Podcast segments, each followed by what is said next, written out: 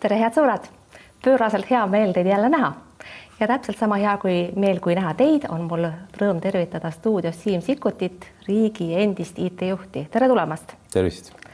riigi endine digijuht ehk siis asekantsler Majandus- ja Kommunikatsiooniministeeriumis on see teie endine ametikoht, mida te nüüd siis tänaseks enam ei pea, saan ma õigesti aru? ja nädala jagu on juba väärteoline ametis aga te ju ikka käite seal ministeeriumis veel ringi, teid muudkui nähakse seal, mis te siis hoiate kätt oma järglasel Lukas Ilvesel, ta ei saa ise hakkama või kuidas? vastupidi, väga hästi saab hakkama, aga et kuna on minul võimalik jääda asju üle andma ja tal polnud võimalik tulla neid varem üle võtma, siis ongi, et teeme sellist üleandmist veel lõpuni ja kui on kohti, kus nagu vanast rasvast ja kogemusest midagi nagu juurde rääkida, siis seda kuu jagu teeme, aga see pikalt ei kesta.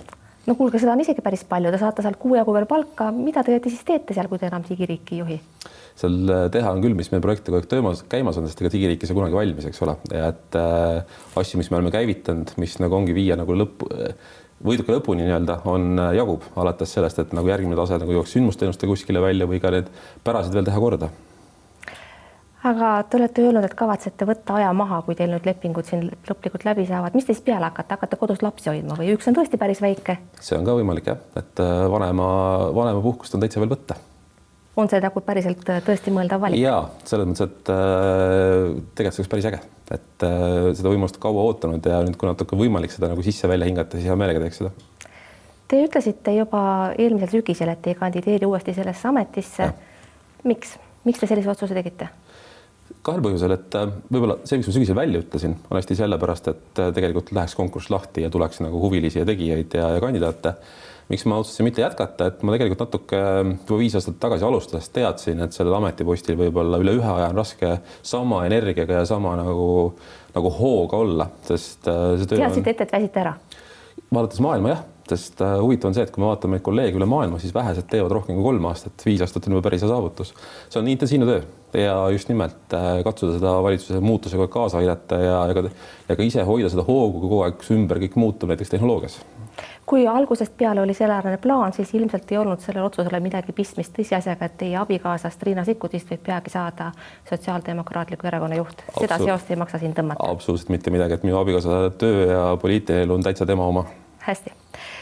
Millest tuleb, tuleneb tõsiasi, et asekantslerid, kui nad äh, ju muutuvad jutukaks alles siis, kui nad on ametist lahkumas, no näiteks Meelis Oidsalu on märksa jutukam, kui ta, kui ta vanasti oli ja teie ka andsite energiatoetuste süsteemi pihta kogu paugu alles siis, kui te olite tegelikult juba otsad kokku tõmmanud, miks nii?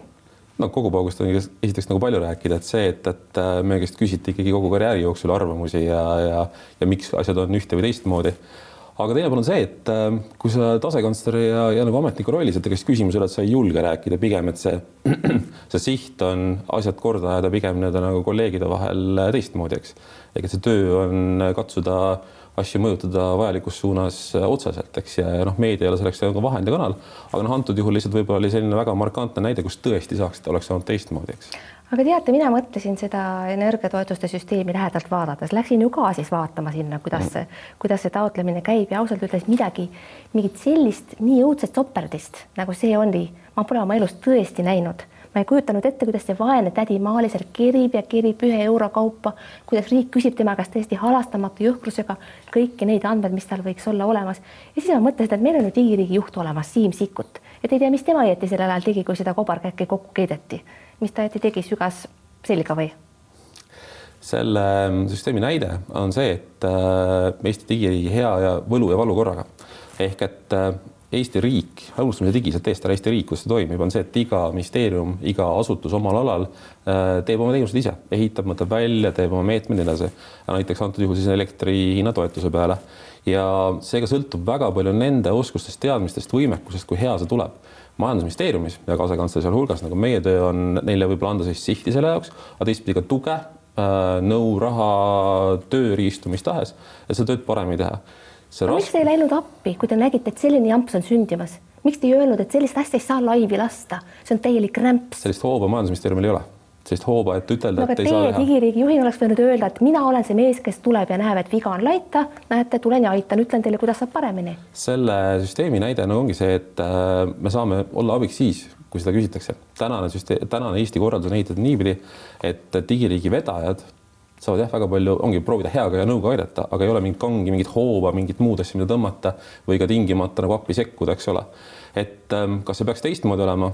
võib-olla mitte päris, sest ei saa olla, et ühest asutusest siis kõik digiriigist sõltub, et majandusministeeriumil on nagu kõik hoovad, kangid käes, et ainult kui, kui nemad otsustavad, siis nagu saab, aga võib-olla mõnevõrra sellist nagu kontrollhoobu on juurde vaja, ehk et see, ma arvan, see arutelu selle üle, sellest, sellest näitest või ka vaktsiinide korraldamise näitest äh, tõukuvalt on, on terve et mis on see juhtimiskorraldus, mis tegelikult tagab parima tulemuse? ja vot sinna oleksingi tahtnud jõuda, kogu see pandeemia on meile näidanud, et ei ole meil seda digiriiki õieti olemas või selle asemel on üks õudne hirmus häda ja õnnetus et pandeemia on ilmsiks teinud, et digiriik on väga nõrk ja kõik tema probleemid on väga selgesti välja tulnud mm. -hmm. üks häda on ajanud teist taga ja see vaktsineerimine on kõige parem näide. ma ei unusta elu lõpuni ära, kuidas mina seal järjekorras seisin, viiskümmend kolm tuhat inimest minu ees, viiskümmend kolm tuhat inimest minu ees, ma seisin selle saba ära selleks, et teada saada ma ei saa seda elupäästvat süsti, mida ma olin lootnud. selline asi lasti laivi ja digiriigi juht lubas seda, mis mõttes? Digiriigi juhil ei ole sellist hooba, et öelda, et ei saa minna laivi, et ei tohi minna laivi, et äh, antud juhul isegi nagu kohta, kus tegelikult nagu vahepeal nagu öelda, et kuidas nagu seda ehitada saaks. ehk et ähm, digiriigi juhi töö, kui selles on küsimus, on veel kord nagu katsuda mõjutada heaga, eks. aga kas te proovisite? antud süsteemi puhul kirjeldasin seda nagu nagu tagasi, me pakkusime väga mitmel ringil väga mitmel moel abi, aga kuhu see tegelikult jäi ja mis ma arvan, ma ei taha süüdistada antud juhul nagu Sotsiaalministeeriumi, ma arvan, see on nagu muster laiemalt. no Tanel Kiik on enam-vähem ära lintšitud kõige selle pärast juba, aga ma täna vaataksin teie otsa. see muster laiemalt on see, et äh, kui teenusel ei ole omanikku, kedagi, kes vastutab ja mõtleb läbi, kuidas üks teenus töötab, näiteks see, et saaks nagu äh, koroonavaktsiinid inimestele käsivarda, eks ole. kui seal on segadus, siis pärast infosüsteem ei aita ehk et see hakkab sellest nagu juhtimisest, teenuste juhtimisest, teenuste läbimõtlemisest, protsesside kujundamisest pihta. see on see, kus on see raskuskese, see on see, kus meil on nagu vaja muutust ja noh, mida juba minu eelkäija Taavi Kotka hakkas selle muutusega pusima pihta proovisin mina, peab ilmselt Kärglane veel jätkama, et, et seal on see iva kinni, mitte lõpuks selles, kuidas meil tehnoloogia töötab. olemuslikult see ei ole digiprobleem okei okay,, aga tegelikult see asi ikkagi jooksis kokku ka digitasemel ja tegelikult neid, neid kokkujooksmisi on olnud pandeemia jooksul mitu ja väga mitu korda on tegelikult ette, ettevõtjad ka abi pakkunud, sealhulgas mm -hmm. digilahenduste paremaks tegemiseks. riik on selle peale öelnud kokk-mökk, miks? no ma olen selles mõttes nagu süsteemses vastuse nagu võlgu, siin ei ole ühte, siin ilmselt igaüks, igaüks, kes see riik on, mis see riik on, see riik on iga asutus oma teenuse taga, eks ole, mitte ei ole riik äh, majandusministeerium või, või teine ministeerium kogu riigi peale kokku ähm, ilmselt on eri põhjused olnud, seda, et ettevõtted abi pakkusid, super, isegi mõtlesime endaga kaasa tegelikult nagu, nagu ühe rindena toimetasime seda abi pakkudes, et. aga koostööd ei tekkinud äh,?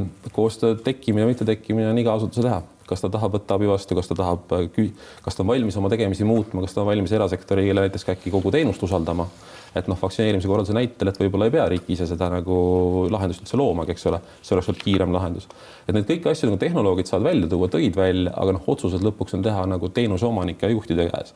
ja, ja noh, sealt hakkab see pihta, mis ma, ma ütlesin, et see nende teadmiste ja oskuste tase on hästi ebaühtlane, see on see koht, mida nagu, nagu mõelda, siis ongi, kas me saame seda tõsta, kas me saame poliitikute, ametnike, spetsialistide teadmisi kuidagi kiiresti teha paremaks ja järjepidevalt teha paremaks, nad ju vahetuvad või siis ongi tegelikult kellelegi kuskil kangi natuke rohkem vaja. mina usuks pigem esimest. kui ma loen teie kirjutatud digiriigi aasta kaks tuhat kakskümmend üks kokkuvõtet, siis tundub mulle, et te olete elanud hoopis teises maailmas, ühes hoopis teises digiriigis kui mina. et on väga tore rahulik järele mõelda kõikisuguste strateegiate ja visioonide eh, peale ja noh, loomulikult tulebki ette vaadata, kes selle vastu vaidleks, aga maja põleb, on põlenud kaks aastat et kuidas on võimalik, et sellise visioonidokumendi ja päris elu vahel haigutab säärane karjuv lõhe. mina ei tunne, et see kuidagi minusse puutuks, mida te sinna kirja olete pannud sellega ei taha üldse nõus olla, et seal see lõhe nagu karjub kuskil vahel ja maja nagu põleb, et maja lagunemise ohus või otsast laguneb küll ja seda olen alati rääkinud IT-ministrid järjepanu, IT asekantslerid järjepanu ja et tuua tähelepanu, kuidas äh, näiteks ongi nagu põlve otsast tegemine tähendab seda, et on rahastust vähe olnud, et kõike seda seni ehitatud püsti hoida, eks ole, pidevalt uuenemas hoida, et ei oleks turvaauke sees, noh, mis on hakanud ka üha rohkem välja tulema, et seda sorti riske on, äh, on digivalajuhid alati välja toonud, toonud ka valitsustele välja ja noh, mis seal salata, nüüd on jälle valitsus, kes nagu otsustas, eks ole, lisarahastust äh, tuua mängu, millega me saame mingid augud nagu ära paigata. aga noh, kohe minna rohkem edasi, kindlasti see on pikema töö ja ongi nagu rahastuse kestlikuks muutmise küsimus. ühesõnaga, on rahas asi taandub väga palju rahast, sest rahast sõltub see, millised, kui võimekad on inimesed, kellega saab tegelikult süsteemi ehitada ja, või ka üleüldse sisuinimesed, kes nagu otsuseid teevad. rahas on kinni ka see, et äh, kui palju saab jooksvalt pidevalt süsteemi ajakohasena hoida. kui me toetume ainult eurorahale nagu siiamaani, eks ole, siis on sul järgmine projekt kunagi ja siis äkki läheb paremaks, aga on vaja pidev, IT-maailmas toimub pidev paremaks ehitamine, see vajab pidevat baasrahastust Teie käel on ka valminud säärane suurupe, suurepärane dokument nagu Eesti digiühiskonna arengukava kaks tuhat kolmkümmend. teate, see on nii ilus dokument, ma lugesin seda, see on nii kaunis, et lausa, lausa nutt tuleb peale rõõmust. kas selle kõige jaoks siis on tõesti raha olemas või? ei, aga siin ma ütleme ühe asja küll ka nagu teistpidi, et noh, riiklikus planeerimises ähm, ja ma tahaks uskuda, et ka mõnesti korporatiivmaailmas strateegia sageli on ka alusraha küsimuseks eks, et äh, ja, ja eriti nagu riigisüsteemist on ka, et alused selle pealt minna ressurssi taotlema valitsuse käest, Riigikogu käest, muud taolist äh,. digiühiskonna arengukavast, mida viitate, et äh, on kaetud suur osa äh, kuuskümmend, seitsekümmend protsenti ettevaatavalt, noh, vaadates seda, kui, kui me täna oleme hinnanud, aga seal on ka jätkuvalt väga palju, mida katta. baasrahastus äh, digiriigi mõttes ja küberturvalisuse mõttes, viimase miili lõpuni tegemine, et neid kohti nagu on, aga kui seda kavasse äh, plaani ei võta, siis ka küsida ei anna okei okay., te kindlasti märkasite, et ma olin pisut irooniline, kui ma rääkisin siin nutma hakkamisest. et tegelikult ma pidasin ka silmas seda, et okei okay,, raha on üks asi, aga kas see kava hõlmab ka kõiki neid probleeme, millest me täna rääkisime.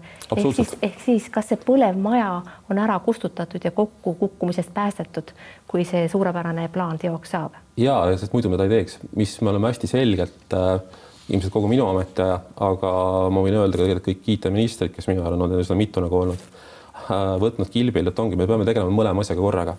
ühelt poolt seda ehitatud digiriiki, seda, seda maja pidevalt kindlustama, eks äh,. turvalisena hoidma, kestmas hoidma, uuendama süsteeme, nii edasi.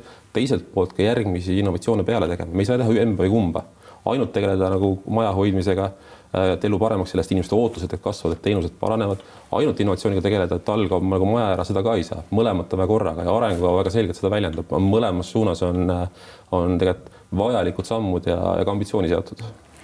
kui hästi on meie digiriik valmis sõjaks, mis on Euroopas puhkamas äh,? mõtlete sõda siis äh, või relvastatud konflikti? tegelikult mõlemat, sest me tänapäeval ju ei pea neid kahte enam lahus pidama, me ja. räägime aina rohkem ja. hübriidsõjast ja Äh, Ukrainat ohustav võib ju meid eelkõige ohustada pigem digiriigi rünnaku vormis. Eesti riik, Eesti digiriik, Eesti digiühiskond laiemalt, siin ei ole vaata küsimus ainult ju nagu riigiasutustes, siin ka ju elektrijaamadest kuni telekomi operaatoriteni on need, kes peavad ennast turvalisena hoidma konfliktioludes. no ma pean seda just silmas. just, et ähm, on nii hästi valmistunud, kui on olnud oludes võimalik, noh, ma ei saa teistmoodi kuidagi ka, ka nagu öelda, selles mõttes, et ressursi piirides on tehtud parim. vaadates rahvusvahelist pilti, Eestil on kindlasti põhjust tunda ennast turvalisem kui mõnedki muud riigid meie ümber. kas on põhjust tunda ennast lõplikult turvalisena, sellist asja pole kunagi olemas. alati sa oled häkitav ja mida rohkem sa digilahendustele toetud, seda rohkem see loomulikult võib tuua raputust sinu ellu, kui nad maha kukuvad või, või maha rünnatakse. Ja see on lihtsalt midagi, millega me peamegi igapäevaselt Eestis arvestama. see ongi see, miks me peamegi sellest ka näiteks noh, ma tulen raha juurde korraks tagasi, piisava rahastuse tagama ilma selleta pole võimekusi, et hoida ennast turvalisena ja eriti veel rünnakute valmis. aga Eesti on nii valmis, kui ta olla saab. aga kuidas on ikkagi juhtunud, et Eesti on digiarengu seisukohalt sattunud Euroopa Liidus ka juba ainult alles seitsmendale positsioonile, me oleme pailapse positsiooni kaotanud. kuidas see juhtus? Konkreetne metoodika, mida viitate, seal me pole kunagi seitsmendast kõrgemal olnudki, pigem oleme sinna tõusnud, sest mida vaadatakse seal koos, on kõik tegurid kokku, eks ole, ka sealhulgas erasektori digitaliseeritus, kus äh, äh, võib-olla me olime varem päris nagu maha jäänud, täna tegelikult on eduka, suuri hüppeid edasi tehtud ja selle võrra Eesti, Eesti koht nagu erkinud. võtate digiriigi ette, püsime selles mõttes võrdluses jätkuvalt esimese, esimesel kohal ja läbi aastate. aga ma ei tähtsustaks üldse seda indeksi, et vahet minu vaates väga pole, kuidas me teistega võrdluses oleme. oluline on see ja see on see, mis meid kannustab või ma usun ka mind ja minu järglast kannustab, et äh, mis on see potentsiaal, et kui palju rohkem me võiksime veel olla, kui palju paremad tu, turvalisemad digiriigid me võiksime olla, kui meil oleks selleks olemas ka piisav võimekus neid asju teha. me teame, mida teha, aga tuleks jõud seda teha olete üle elanud seitse ministrit, kui ma õigesti kokku lugesin, kes? sealhulgas ühe ühepäevase jah. jah, kes neist teie lemmik oli? Lemmikut ei saa võtta, nad on kõik väga erineva käekirjaga ehk et äh, erineval hetkel ajastul, eks ole, et äh, alates sellest, et kes nagu tuleb kuuekuulise missiooniga midagi muutma, tegema, keskendub ainult sellele. noh, ma ütlen näiteks Rene Tammistile, kes tuligi nagu, et ta teadis, et tal on valimised ees, ta pidi sellest aastast maksimumi võtma äh, versus võib-olla Andres Sutt täna nagu, kes tegelikult saab opereerida palju pikema plaaniga. erinev käekiri, erinevad fookused, erinevad äh,, erinevad ka prioriteedid on ju ja, ja noh seda must küsitakse hästi palju, aga asekantslerina või ametnikuna me ei vali ministreid. me toetame kõiki, keda meil äh, on vaja toetada. nii see on. minu lemmikminister muidugi oli Gerd Kingo. nii. ja siin on, äh, ma igaks juhuks ütlen ka, et siin on jällegi pikad jutumärgid sellel lemmikul ümber, aga räägitakse, vähemasti üks erakond levitab seda juttu või on levitanud, et teil oli oma osa tema ametist mahavõtmisel. kuidas te seda siis tegite, rääkige palun ära. tahaks ise ka teada ei, seda ma olen sellega juba varem avalikult vastanud, et äh, mingit sellist äh, alust ei ole kahtlustada ja karta, et äh, ametnikena me ei tegele poliitikaga väga-väga tõsiselt. hästi.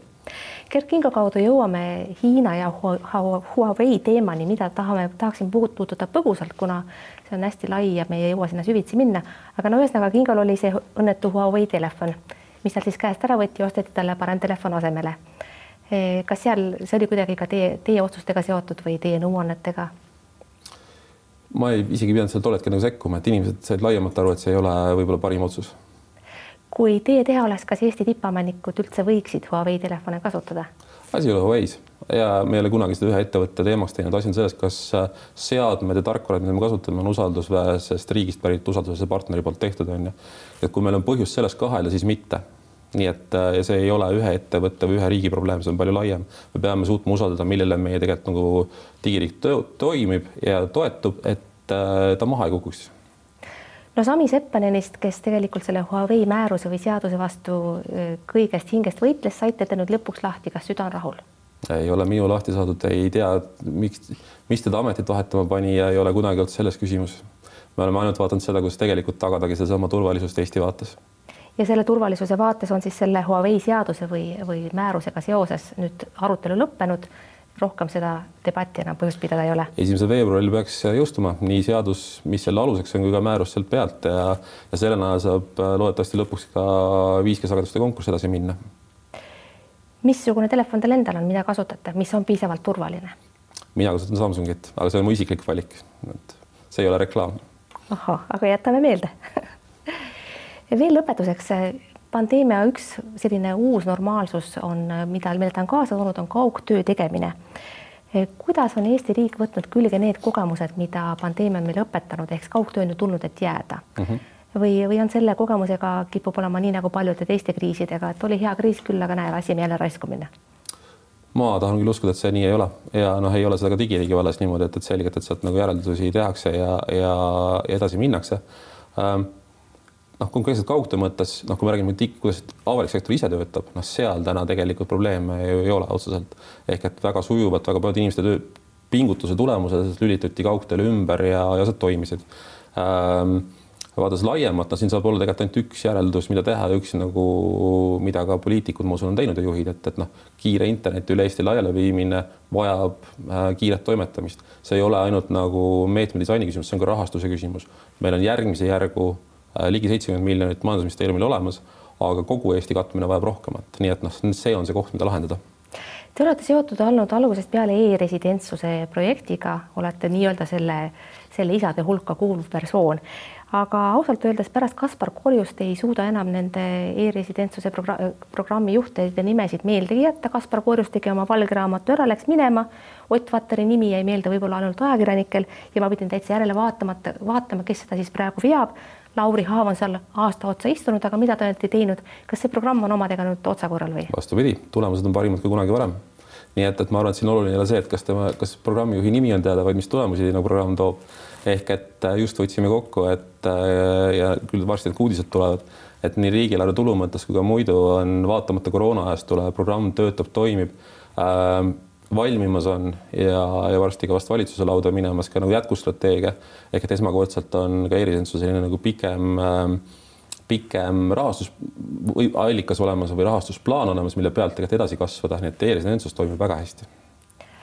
Lauri äh,, härra Sikkut, viimane küsimus. miks ei saa ikka veel valida Riigikogu valimistel mobiilis. töö käib selle nimel, et järgmine aasta saaks. järgmisel aastal saate, lubate?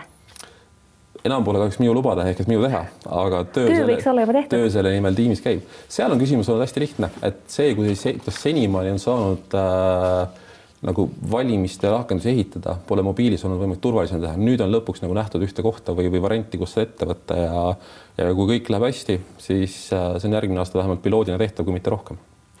võtan teid sõnast. Siim Sikkut, suur tänu, et tulite stuudiosse, aitäh, head sõbrad, et te vaatasite. vaadake teinekord ikka jälle, mingu teil vahepeal hästi, olge terved, kuulmiseni ja nägemiseni